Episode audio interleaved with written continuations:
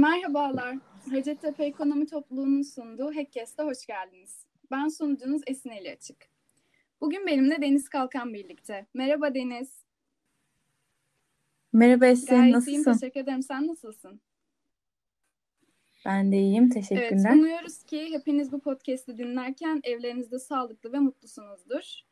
Ee, bu podcast serisinde çeşitli sektörlerden uzman kişilerle dijital dönüşüm hakkında konuşuyoruz.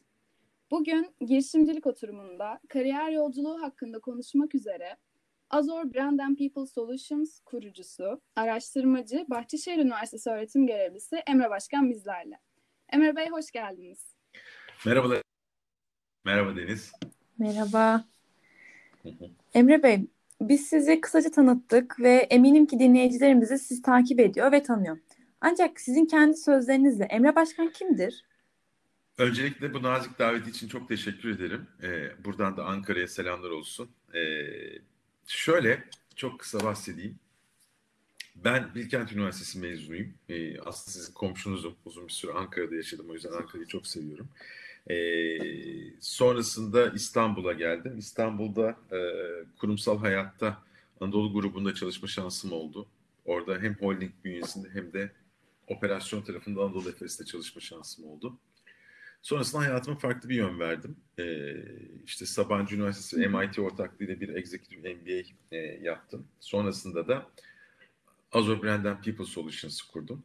Aynı zamanda işte yelkenle ilgileniyordum. O sırada o verdiğim kariyer arasında birkaç hayalim vardı yelkenle ilgili. Onları gerçekleştirme şansı elde ettim. Ee, Azure'u kurduktan sonra farklı iç girişim yani şirket içerisinde böyle adımlarımız oldu. Onların etkileri benim için çok faydalı oldu. Ee, Harvard Business e, Review dergisinin Türkiye e, versiyonunda her sene yazılarım yayınlanıyor dergide. Hem de blog tarafında yazılarım yayınlanıyor. Buna ek olarak dediğimiz gibi öğretim görevlisi olma şansım da oldu. O benim için çok değerli bir e, şapka açıkçası. Bir de girişimcilik tarafında var olmaya çalışıyorum. Oradaki dinamikleri takip etmeye çalışıyorum. Ee, hem katkı sağlayarak hem de girişimlerde bulunarak bir teknoloji bir de tarımla ilgili girişimim oldu. Teknoloji tarafında maalesef e, başarısız olduk. Yani istediğimiz gibi gitmedi. E, kapama kararı aldık. Gerçi çok fazla bir şey, yani çok fazla şey öğrendiğim bir süreç oldu. Onu söylemek zorundayım. E, Hı hı. ama tabii hayat durmadan başarılarla dolu olmuyor. İnsan düşüp kalkan bir varlık, hayat ağlarından öğrenen bir varlık. Kısaca kariyer dediğiniz için böyle özetleyebilirim. Bunun dışında tabii ana şey de kariyer hayatın bir alt kümesi. Ee, eş, baba, e, işte oğul, abi e, bunları da saymam lazım. Emre e, kısaca böyle. Çok güzel Emre Bey. Şimdi aslında benim de kişisel olarak merak ettiğim bir soruyu sormak istiyorum size. Sizi araştırdığım zaman en çok konfor alanı üzerine konuştuğunuzu gördüm. Peki sürekli konfor alanı hakkında konuşuyor olmak sizin konfor alanınız haline gelmiş olabilir Çok mi? güzel bir nokta. Dışarıdan bazen ben de kendimi tekrarlıyor muyum diyorum. Ne yalan söyleyeyim. Ee, çok fazla organizasyona davet ediliyoruz. Özellikle bu pandemiyle beraber her şeyin dijitale taşınmasıyla e, özellikle öğrenci kulüpleri veya farklı organizasyonlarda gerçekten e, çok farklı böyle çalışmalar yapıldı ve şu an mesela YouTube'a Emre Başkan yazdığında e, bazı noktalarda birbirini tekrar eden içerikler var. Farklı çatılar altında e, konfor alanı konusunda sorulan sorulara karşılık. Bunun temel nedeni sanırım bana en fazla bu konuda soru geliyor. e, onu söyleyebilirim. bu da aslına bakarsanız e, haksız bir durum değil. Çünkü çok uzun zamandır ben konfor alanı konusuna derinlemesine incelemeye çalışıyorum. Dünyada bu konuda yapılan çalışmalar sınırlı ve Türkiye'den aslında literatüre bir şeyler katmaya çalışıyoruz. Bunu şu an Türkiye'de e, sesini yani bunun yankılanmasını artık duymaya başladık. Bizim verdiğimiz sese karşı tepki alıyoruz. E, olumlu tepkileri alıyoruz. Bunu yurt dışına taşıma tarafındayız şu anda.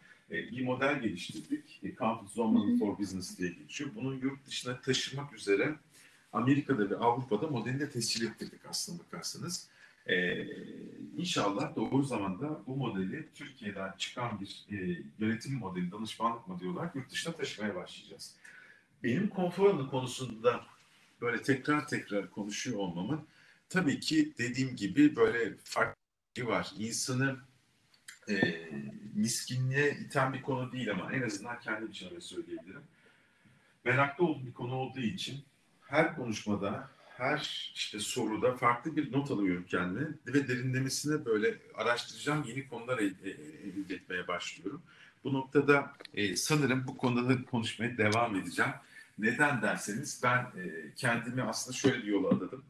E, işte iş hayatında klasik strateji, marka ve insan yönetimi gibi konuları ben insanı merkeze alarak yani onun doğasını göz önünde bulundurarak işte hormonları, kimyasalları nasıl çalışıyor, beyin nasıl çalışıyor, nörobilim bize buna nasıl fayda sağlıyor, konforun psikolojisi veya psikoloji alanı genel olarak bize insanı iş hayatında yorumlamak için neleri e, göz önüne alabiliriz, neler bize fayda sağlayabilir konuların odaklı olduğum için e, sanırım bu konuda da konuşmaya devam edeceğim.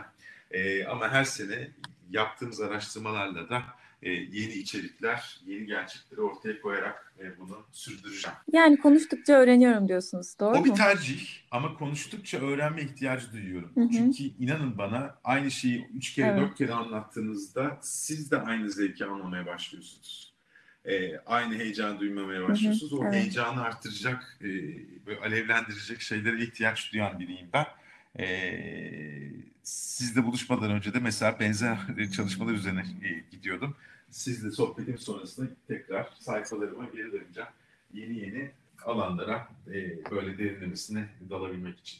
Gerçekten örnek alınacak bir davranış. Teşekkür ederim. Peki e, başarılı insanlara baktığımız zaman e, kariyerlerin yanında hep bir hobilerinin olduğunu görüyoruz. Siz de kendinizden bahsederken az önce bunun yelkencilik olduğunu bahsettiniz. E, ben merak ediyorum e, bu yelkencilik e, serüveniniz nasıl başladı? E, şöyle e, enteresan bir konuya da parmak bastınız. E, neden? Esin'cim aslında bakarsan bu dünya içinde yaşadığımız dünya çok stresli ve karmaşık bir dünya. Ve e, bizim bu dünyayla baş etmek için farklı geliştirmemiz gerekiyor. İşte örnek vereyim, e, meditasyon diyoruz, başka şeyler diyoruz, stres yönetimi diyoruz. Bilimsel olarak e, hobinin insanın stresini dengelemek için ve hayata karşı biraz daha e, kendini nasıl diyeyim sağlam tutabilmesi için fayda sağladığı bilimsel olarak biliniyor. Yani hobi aslında bakarsanız başarılı insanların e, bir hobisi var. Hobi elde etmek insanı hayatta daha iyi yerlere getirebilir. Çünkü dengeleme mekanizması olarak devreye giriyor. Yelken benim hobilerimden biri. E, ama mesela şeyi fark ettim bu dönemde de onu da paylaşayım. Benim hobilerim hep dışarıyla alakalıymış. Pandemide eve kapanınca evde hobi geliştirmek biraz tabii zaman aldı benim için. Çünkü okumak bir hobi mi benim için? Hayır, benim hayatımın bir parçası o, işimin bir parçası. Tam hobi gibi olmuyor o yüzden.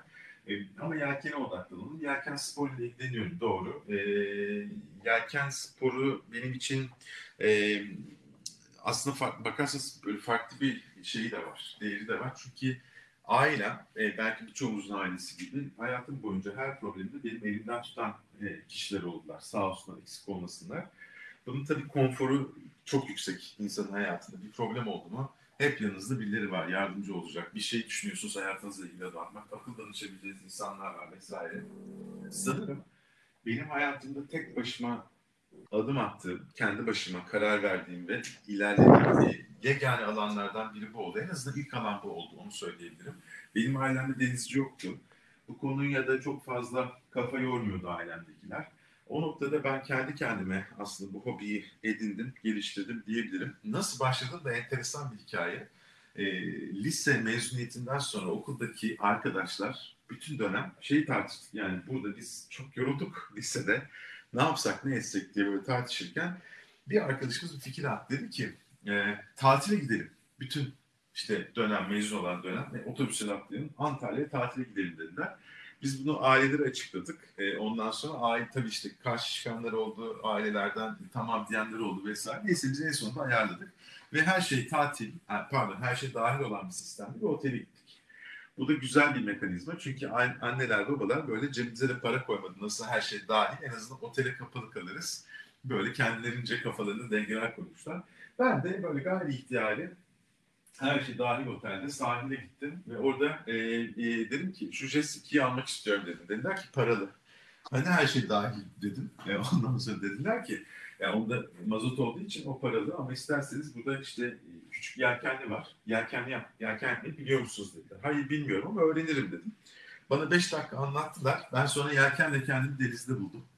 Ve e, o gün aşık oldum olaya. Yani o rüzgar sesi, işte suyun sesi, orada akan bir enerji var ve boşa gidiyor. Aslında o yelken e, rüzgarla dolduğunda neler yapabileceğiniz, doğanın nasıl parçası olabileceğiniz, nasıl uyumlanabileceğiniz konusu beni çok etkilemişti.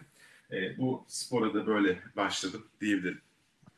Tutkunuzu bulabilmeniz gerçekten çok güzel bir şey. Çünkü genelde hani bir kere yapılıyor ve daha sonra devam edilmeyebiliyor ya da hemen sıkılabiliyorsun. O yüzden bu çok güzel gerçekten. Ee, hazır yelkencilik konusuna girmişken bir de 2013 yılında siz üç kişiyle birlikte Atlantik Okyanusu'nu geçmişsiniz. Evet. Bu gerçekten evet. çok güzel bir deneyim. O günlerden aklınızda kalan asla unutamadığınız bir anınız var mı? Ya çok şey var. Yani hangisini söylesem bilemiyorum. İzninizle bir zor bir de güzel şeyden bahsedeyim aklımdan çıkmayan. Ee, bir tanesi şeydi yani biz kötü havalarla boğuşmak zorunda kaldık maalesef. Bu değişikliği konusuna da parmak basmak istiyorum burada. Eskiden mesela biz e, batıdan doğuya geçiş yaptık. Yani Amerika kıtasından Avrupa kıtasına geçiş yaptık. E, bir de bunu doğudan batıya yapıyorsunuz Avrupa'dan Amerika'ya.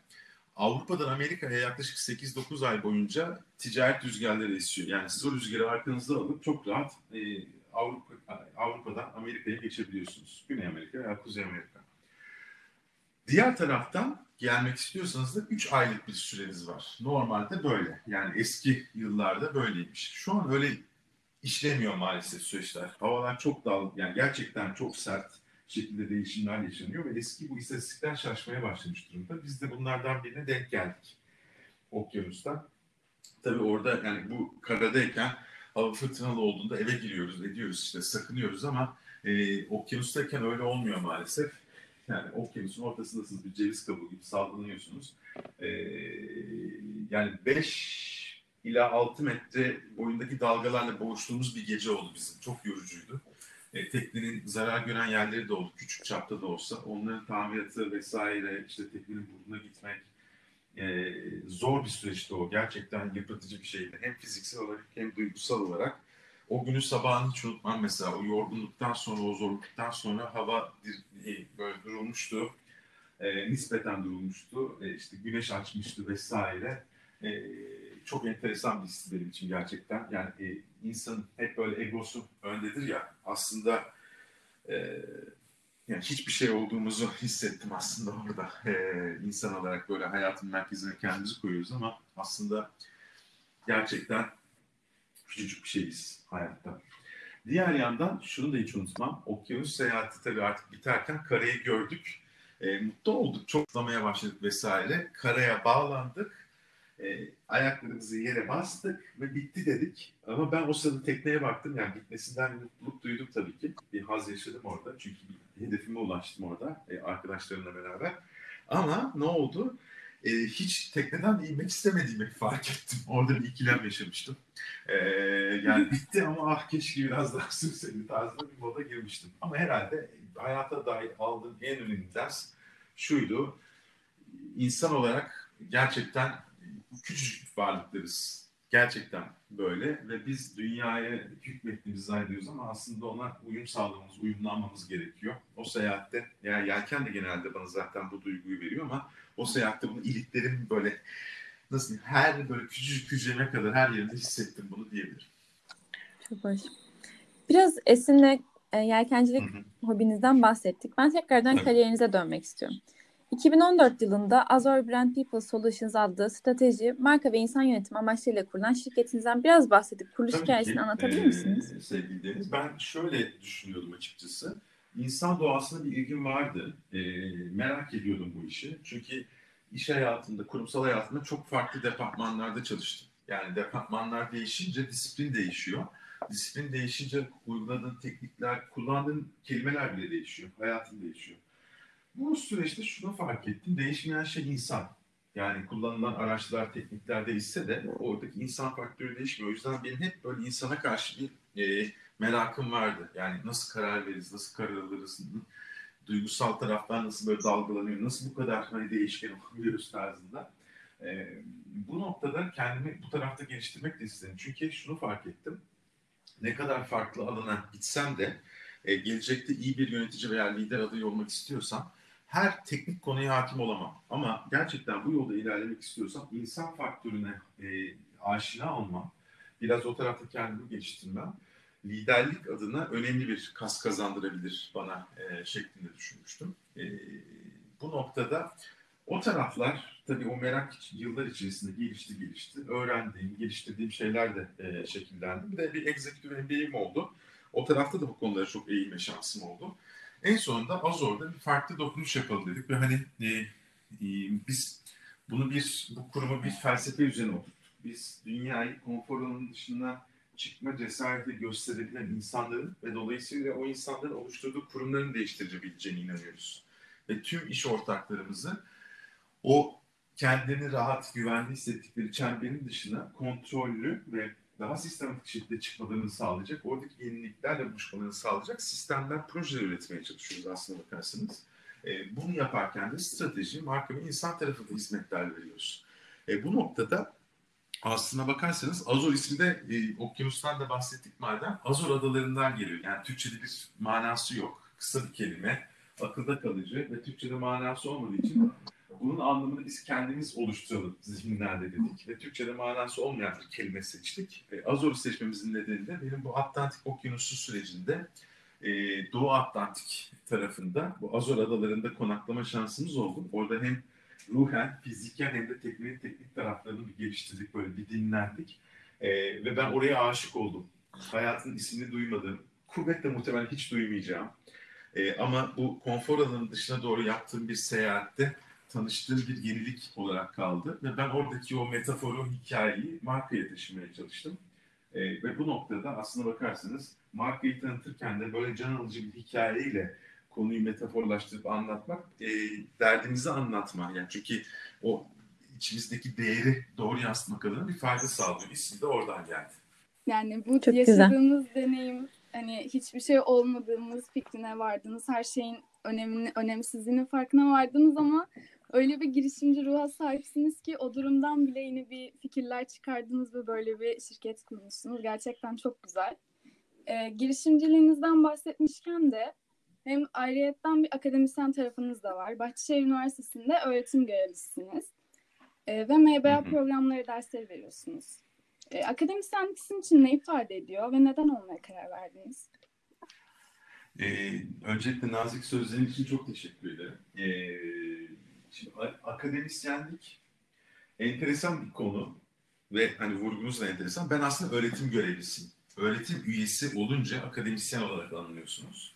Ne demek istiyorum buradan? Yani ben e, tam zamanlı bir okul çatısı altında tam zamanlı ofis olan biri değilim. Ben kendi merak konumu kendimi şöyle görüyorum açıkçası. Çok fazla merak eden, o merak üzerine durmadan giden, bir şeyler geliştirmeye çalışan ve bunu yaparken sadece okumak değil de biz mesela Türkiye genelinde bir araştırma yapıyoruz. Her sene bu e, konuda veri topluyoruz. O verilerden yeni e, çıkarımlar yapıyoruz. Kurumlarda da araştırmalar yapıyoruz tabii ki. Bunların hepsinden aslında literatüre fayda sağlıyoruz. Ve ben e, Harvard Business Review Türkiye dergisinde buradaki çalışmalarımı yayınlıyorum. Bu açıdan baktığımda aslında e, akademisyen, adım akademisyen olmasa da akademisyen ruhuna sahip olduğumu söyleyebilirim. E, o e, disipline ve o yaklaşım, o mesleğe saygım çok fazla ve ona layık olmak adına elimden geldiğince e, zaman harcıyorum, kafa yormaya çalışıyorum. Kendimi aslında bir işe atıyorum. Ama dediğim gibi bugün e, akademisyen demek doğru olmayabilir. Öğretim görevlisi diyelim biz. Yakında neden olmasın akademisyen pozisyonuna geçebilirim. E, bunların hepsinin belli şeyleri var, e, süreçleri var. E, hayatın işte kalıpları diye. Onların ötesine geçemiyoruz. Neyse.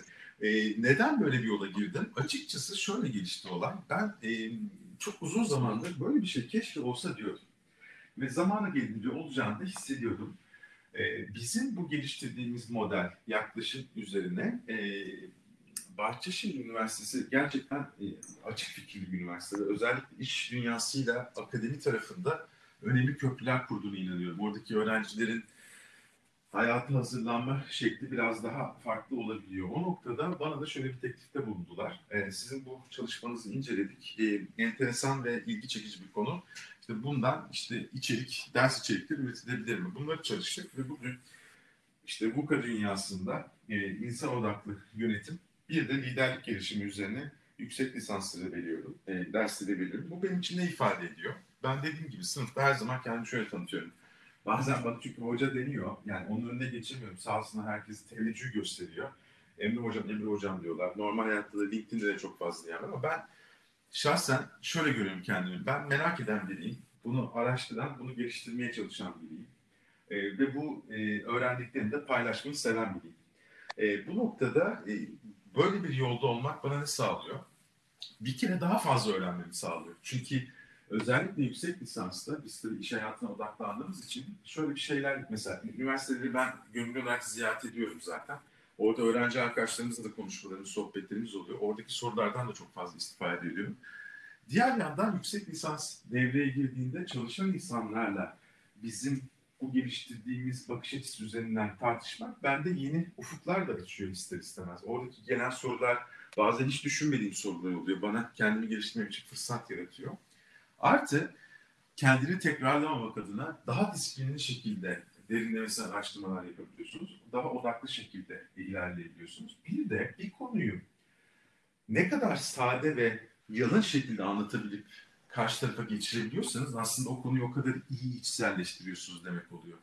Bu da aslında bakarsanız benim e, araştırdığım konuları daha kolay içselleştirmek için bir vesile diyebilirim. Çünkü insan anlatabildiği kadar öğreniyor inanın bana. Bir şeyi okuduğunuz zaman e, zihin, yani zihin ve hafıza sistemi nörobilim gösterdiği kadarıyla belli bir çalışma mekanizması var. E, işte bu noktada işler değişiyor. Siz birilerine bunu anlatmaya başladığınızda, o motivasyonu taşıdığınızda öğrenme isteğiniz, öğrenme şekliniz ve o konuya yaklaşan, yani yaklaşma disipliniz kökten değişiyor. E, benim için gerçekten e, durmadan beslendim, kendimi yenilediğim, sorumluluğu çok yüksek, e, ya yorucu, onu kabul ediyorum ama kendimi enerji olarak yenilediğim, e, beni yukarı çeken bir e, alan olarak görüyorum. Çok saygı duyduğum bir alan ve bu yola emek veren herkese de gönülden e, sevgilerim, saygılarımı getiriyorum buradan. Aynı zamanda Bilgi Üniversitesi Elektrik Elektronik bölümünde Evet, danışma evet. kurulu üyeliği de Doğru. yapıyorsunuz bildiğim kadarıyla. Doğru muyum? Peki şimdiye kadar pek çok şeyden bahsettiniz. Ee, bunlar zor olmuyor mu hepsini bir arada yürütmek? Zor oluyor. O, olduğu zamanlar oluyor tabii ki. Yani ama e, planlı gittiğinizde, kendinizi planladığınızda bunları yönetme şansınız var. E, planlı gitmeniz durumunda da tabii ki zor gelen şeyler olabiliyor. Ama şunu söyleyebilirim. Ben hayatımda seçtiğim yolların hepsini şunun üzerine tutmaya çalıştım. Kişisel amacım. Yani ben bu hayatta neden varım? Ee, ben olmasam insanlar ne kaybeder? Ben onlara nasıl bir değer katıyorum? Nasıl bir değer katmak istiyorum? Sorusunun cevabını bulabildiğime inanıyorum. Ve bu noktada aslına bakarsam e, bu soruya cevap verebilmemi veya bu amaca hizmet eden yolları seçmeme e, özen gösteriyorum.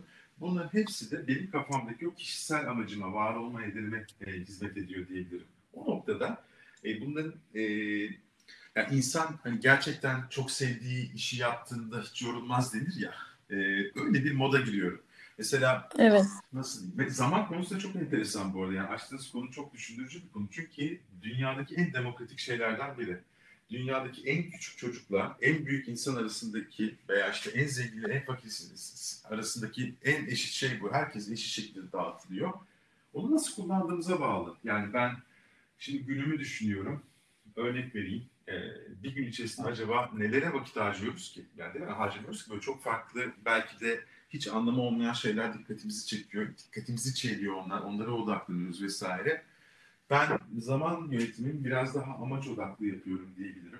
Ve e, tabii ki yorucu oluyor ama bunun karşılığında da ailemle, hobimle, işte yaptığım şeylerle e, o stresi ve yorgunluğu dengelemeye çalışıyorum. Aynı zamanda yaptığım işler zaten amacıma hizmet ettiği için e, beni ben yapan e, bir şey olmaya başlıyor. Ve o da zaten kendi içinde bir dinamo gibi düşünün. Döndükçe enerji üretiyor diyelim. Yani orada bir çalışıyor ama enerji üretiyor. Kendisini en azından yeniliyor diyebilirim. Ee, bazen ben de düşünüyorum çok mu yoruyorum kendimi diye. Ama şu an için her şey yolunda. Bunu söyleyebilirim.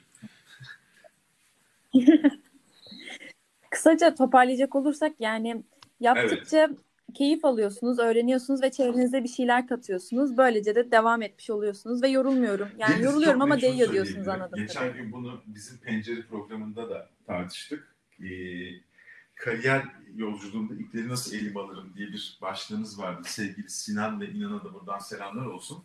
Orada da üzerine değinmeye çalıştım. Kariyer o kadar önemli bir konu üzerine durdum ki paylaşma üzerinden. Kariyer dediğimiz yolculuk bir kere tek kişilik bir yolculuk değil. Biz kendimizi merkezi koyarak düşünsek de bu yani insan hayatında hiçbir şeyi tek başına başarmıyor. E, bu noktada etkileşimde bulunduğu insanlar var. Etkileşimde bulunduğu insanlar sana kariyerinde e, destek olabilir veya köstek olabilir. Destek olmasını istiyorsan, fayda sağlamasını istiyorsan paylaşacaksın, bir değer paylaşacaksın. Yani onların da sen yolculuklarına değer katacaksın ki bu böyle e, ilerlesin. E, o noktada ben kariyerin zaten paylaşmadan geçtiğine inananlardım. O yüzden o grubun altını çizmek istedim. Çok da güzel yaptın. E, bunun tabii keyifli bir paylaşım olması lazım. Keyif aldığınız bir şey de olması lazım. Senin kısa özetin bence çok yerinde oldu. E, keyif aldım ve paylaşarak kendimi motive ettiğim bir süreç. Çok doğru. Güzel bir özet oldu. Sağ ol. Teşekkür ederim. Şimdi az önce siz de aslında biraz bahsettiniz, kendinizi tanıtırken de söylediniz. MIT ve Sabancı Üniversitesi'nin ortak Hı-hı. çalışması olan bir eğitime katılmışsınız. Ee, bu eğitimin size en büyük katkısı ne oldu? Bizim pek çoğumuzun ismini duyduğunda bile etkilendiğimiz üniversiteler bunlar. Eminim çok şey katmıştır sizlere. Biraz da sizden çok dinleyelim. Ederim. Hmm, şöyle, benim için önemli bir soru bu. Çünkü üzerine durmak istediğim konular olduğunu hissediyorum, düşünüyorum. Şimdi bir kere e, diyelim ki bir kitap var. Dünyanın en güzel kitabı. İki kişi bunu okuduğunda, iki farklı kişi okuduğunda aldıkları farklı olabilir. Yani dediğin şey doğru. Ben de mesela MIT gibi bir yapıdan gittiğimde de çok etkilendim. Biraz kısaca üzerinde dururum ama e, bence e, üniversite isimleri veya işte hani bazen diyoruz Oxford var da biz mi gitmedik diyoruz ya. Bence olay orada değil. Yani insana bağlı her şey. Oxford'daki hiçbir şey almadığınız durumlar da olabilir. Oradan emin olun mezun olabilirsiniz.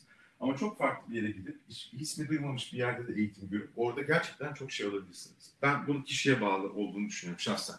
O parantezi açtıktan sonra şuna geleyim. Bizde tabii şey vardı. E, yani bir executive MBA yapmak, yani yöneticiler için böyle e, e, yüksek lisans programları yapmak önemli. Normalde yüksek lisans dediğimiz şey e, akademik araştırmayı destekleyen bir şey. Bana sorarsanız tabii bir konuda da uzmanlık edinmeyi destek, e, yardımcı oluyor, edinmemize yardımcı oluyor. Executive MBA programları biraz daha iş hayatındaki uzmanlığınızı geliştirmek üzere e, yaklaşımlar içeriyor. O yüzden benim hoşuma giden bir yaklaşım olmuştu. Ee, Sabancı Üniversitesi de yani güzel bir üniversiteydi, sevdiğim bir üniversiteydi. Onun da MIT ile ortak bir programı vardı. Daha ne olsun dedim kendi kendime. O sürece girdiğimde neler kazandım? Bir kere şöyle oradaki dönemimiz bizim çok iyiydi. Çok keyifliydi. Hala da e, sohbet ederiz. Hatta benim taraf tarafında bir girişimim var. Oradaki ortağım e, o MBA programında tanıştığım bir çok yakın arkadaşım e, hayatıma çok şey kattı diyebilirim. Bilgi açısından da çok şey kattı ama özellikle MIT tarafında farklı şeyler de edinme şansım oldu. E, iki taraf yani Türkiye ve yurt dışının eğitimini aynı çatı altında, aynı program altında biraz karşılaştırma şansım oldu. Bu da benim bugünkü yaptığım öğretim görevlisi tarafıma da etkili, e, etkisi olan bir unsur. E, çok fazla kitap bilgisi üzerinden hı hı. konuştuğumuz bir eğitim varken Türkiye'de, benim üniversite zamanında da böyleydi. Yani sadece yüksek lisanstan bahsetmiyorum. Yurt dışında e, daha az bilgi ve çok fazla tartışma üzerine giden bir şey vardı. Yani insanların fikirleri, insanların fikir üretmesi, fikir, fikir üretsin, doğru şekilde fikir üretsin, doğru veya yanlış değil, onun fikrini tartışmak. Yani oradaki o sohbet bence değer katılmışıyordu ve her şeyin or- merkezine yine insan koyuluyordu. Yani strateji konuşulurken mesela insanın benimseyebileceği stratejiler. İnsan bir strateji nasıl hayata geçirir, nerelerde zorlanır? Yani doğru strateji kurmak için şu beş adımı izleyelim değil de tamam onu izledik sonra o insanın uygulaması lazım. Sonuçta stratejiyi bir kişinin benimsemesi lazım ki onu hayata geçirsin, geçirsin vesaire. O insan vurgusu beni çok etkilemişti e, tarafında. Hatta o gün yani o zamanlarda derslerini aldığım birkaç tane hocam var. E, Onlardan çok faydalanırım. Onlardan öğrenen bazı şeyleri de böyle onları refere ederek tabii ki e, kendi sınıflarında da bahsediyorum. E, benim için önemli bir. E, bakış açısı olmuş. O insan faktörünün ne kadar önemli olduğunu kendi içinde bir doğrulama e, açısından e, katkısı çok fazla olmuştu. Çok güzel. Burada da aslında iletişimle öğrenmeden evet. yine bahsetmiş oldunuz. Aslında podcastimizin başından beri girişimci ruhunuzu vurguluyoruz. Peki şirketinizin kurduğunuz gibi tarım ve dijital alanlarda girişimler olduğunuzdan bahsettiniz az önce de. Bundan biraz daha bahsedip içini açabilir misiniz? Neden bu alanları seçtiniz? Aslında bunun arkasında strateji vardı. Nedir bu strateji? Ee, şöyle. Ee,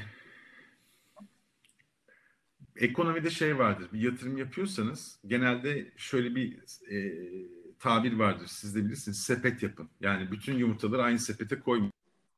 Sepetleri farklılaştırın, riski dağıtın diye. Şimdi Türkiye gibi bir ülkede doğruya doğru kendi işini yapıyorsa e,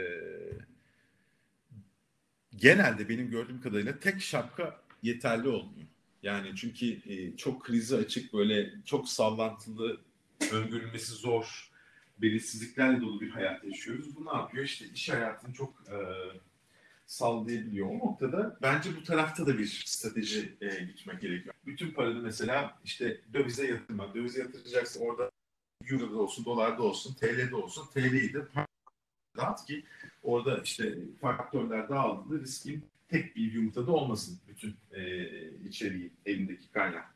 Bu noktada ben şöyle bir şey e, tasarladım kendime. Birincisi az orada ben bilgi üretmeye istiyorum. Ben besleniyorum. Tamam bu bilgiyle alakalı bir iş. Buna ek olarak öğretim görevlisi olmak var. Bunların hepsi bu arada amaçlarıma zaten kişisel amacıma hizmet ediyor ama e, bu da Azor'la biraz bağlantılı bir konu. Teknoloji olsun istedim. Teknoloji tarafında bir girişime dahil oldum yatırımcı olarak. Sonrasında biraz da işin içine girdim destek olmak için. Orada aslında iyi gidiyordu ama işte krizler ve bizim istediğimiz randımanda ilerlemedi işler. Bir yerden sonra biz bunu kapatmak kararı aldık. Ama tek, yani bilgiye ek olarak teknoloji tarafında bir şeylerim olsun istiyorum. Ve konvansiyonel bir şey olsun istiyorum. Yani gıda hayatın en temel unsurlarından biri. Aynı zamanda ben tarıma ve gıda güvenliğine de önem veren bir ülke açısından ve tarımın doğru yapılması durumunda e, doğaya katkısı olduğunu da biliyoruz. Aslında bakarsanız o noktada e, çevreye de doğaya da değer veren biri olarak bu sürekli tarafında da destek olmak için. Hem de daha komplike şeylerden uzak durup insanın o daha doğasına uygun konvansiyonel bir ürünle kendini sepet yapabilmek için tarım tarafına gitmeyi e, bu o tarafa girdi. E, bence bunun hepsini bir dışarıdan daha doğrusu bir kuş bakışı e, yaklaşımla geneli nasıl oluşturduğuna, riskleri nasıl dağıttığımıza bakmamız gerektiğini düşünüyorum.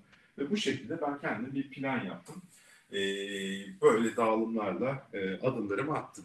E, ama tabii girişim tarafı şey, startupla girişimde ayırmak gerektiğini düşünüyorum. Mesela bizim ilk o teknoloji tarafı startup mantığı.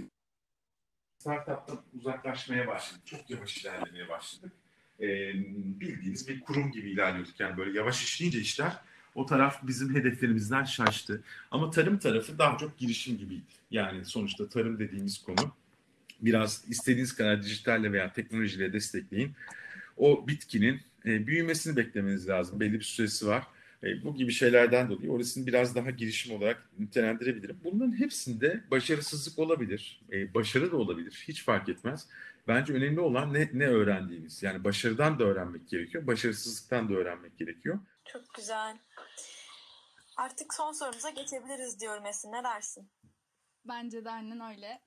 Ee, Emre Bey size son sorum şu şekilde olacak. Ee, bizlerin Tabii. ve eminim dinleyen üniversite öğrencilerinin de cevabını beklediği bir soru bu. Ee, iş hayatında kendimize yer bulabilmek ve başarılı olabilmek için biz gençlere tavsiyeleriniz nelerdir?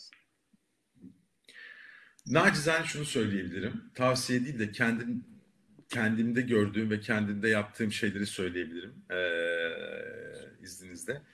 Bence deneyimleyerek öğrenmeye çalışın. Ben öyle yaptım ve bunun çok faydasını gördüm. Benim bölümümde staj zorunluluğu yoktu ama ben her dönem minimum bir tane staj yaptım ve böylece aslında iş hayatında bana ne, ne bana göre ne bana göre değil bunları görme şansım oldu. Hatta staj döneminde hayatta yani beni heyecanlandırmayan bazı işlerin olduğunu da gördüm ve onları mesela başvuru listemden çıkardım. E, çünkü neden bu önemli? Heyecanınızı ayakta tutabilecek işlerde çalışmanız veya sektörlerde bulunmanız sizi aslında e, o başarı yolunda veya kariyer yolunda daha etkili olmanızı sağlıyor. Çünkü heyecan duymadığınız bir konuda nörobilim bunu çok net şekilde gösteriyor. İnsanın heyecan seviyesinde bir stresi olmayınca yani o e, heyecan dediğimiz olumlu e, stresi yaşamadığında e, performansı artmıyor. Yani bilişsel performansı artmıyor. Biz diğer canlılardan ayrıştıran o neokorteks rasyonel tarafımızı çok rahat ortaya koyamıyoruz. O noktada e, bence deneyim, deneyim e, kazanmaya gayret etmekte fayda var. Bol bol staj e, ve bu tarafta neye heyecan duyduğunuza dair bakış açısıyla aslında biraz da seçici pozisyona geçmek e, kritik bir şey gibime geliyor. İkincisi sürekli öğrenme. Yani bir şey öğrendik diye rafa kaldırabileceğimiz bir dönemde değiliz. Teknoloji kadar bilim de çok hızlı gelişiyor. Biz bugün mesela bir şey, makale okuyoruz. İki ay sonra o makaledeki argümana zıt e, bir bulgu çıkabiliyor. Yani bu tarafta e, her zaman bildiğimiz şeyleri sorgulayabilecek durumda olmamız gerektiğine inanıyorum. Bir de ben şöyle bir düşünceye sahibim. E, ne iş yaparsanız yapın. Ne iş yaparsanız yapın. İsterseniz doktor olun, isterseniz mühendis olun, isterseniz ekonomist olun. Hiç fark etmez benim için. Bütün işler insanla alakalı. Bizim çalışma arkadaşlarımız da insan olacak, müşterilerimiz de insan olacak, siz de insan olacaksınız. Yani bu, bu, bu ortak payda. O noktada Simon Sinek'in çok önemli bir sözü var bana göre. Çalışanlarımızın yüzde yüzü, müşterilerimizin yüzde yüzü insan diyor. Ve insanı doğru anlarsak işimizi daha doğru yapabiliriz diyor. Çünkü iş, işimizle o insana değer katmaya çalışıyoruz. O noktada bence e, her zaman için bir okuma listenizde veya işte video üzerinde öğrenmeyi seviyorsanız o videolarda insan doğasına dair, insanın o karar verme mekanizmalarına, beynine, nörobilime, psikolojisine dair şeyler olmasını öneririm. Çok büyük faydasını göreceğini inanıyorum. Ben çok fazla gördüğüm için bunu söylüyorum. Bir de ana konusu insanın kendisini tanıması, ona kafa yorması, zaman harcaması gerekiyor. Üniversitelerimiz teknik bilgiler tarafında bize çok iyi yetiştiriyor ama keşke biraz daha o soft skill tarafına da değinseler diye e, düşünmüyor değilim. Ben kendi sınıfımda değinmeye çalışıyorum şahsen. Mesela e, bunları yaparak ben kendime fayda, bugün fayda sağladığımı söyleyebilirim şu ana kadar. Mesela üniversitede hayatımın anlamı veya işte hayattaki amacım nedir gibi düşüncelere çok fazla kafa yormuyordum. Bunları bulmak da zaman alıyor. E, belki bu tarafta kendinizi biraz daha sorgulayıp kendinizi tanımaya çalışarak en azından zaman içerisinde bulduğunuz değerleri oradaki tabloya oturtacak şekilde e, adım sağlayacak bir çerçeve oluşturabilirsiniz. Bunu da e, ben çok geç yaptım. Faydasını çok fazla gördüm. Kim bilir siz erken yaşlardan bu genç yaşınızda bunlara başlarsanız nasıl faydasını görürsünüz diye düşünmeden de edemiyorum. Çok güzel. Aktardığınız bilgiler gerçekten çok güzeldi Emre Bey. Benim kişisel olarak eminim Esin'in de öyle. Bazı noktalara değindiniz ki hani bunların üzerine oturup düşünmemiz gerekecek eminim ki. Çok teşekkür ederiz. Çok sağ olun. Bugünkü oturumumuzun da sonuna gelmiş bulunmaktayız. Bugün girişimci ruhu, akademisyenlik ve kurumsallık kariyeri, hobileri gibi pek çok konuda konuştuğumuz Emre Başkan bizimleydi. Katılımlarınız için tekrardan teşekkür ederiz Emre Bey. Deniz Esin, ben çok teşekkür ederim. Eksik olmayın davet için. Ee, bizleri dinlediğiniz için de teşekkür ederiz. Bir sonraki podcastimizde görüşmek üzere.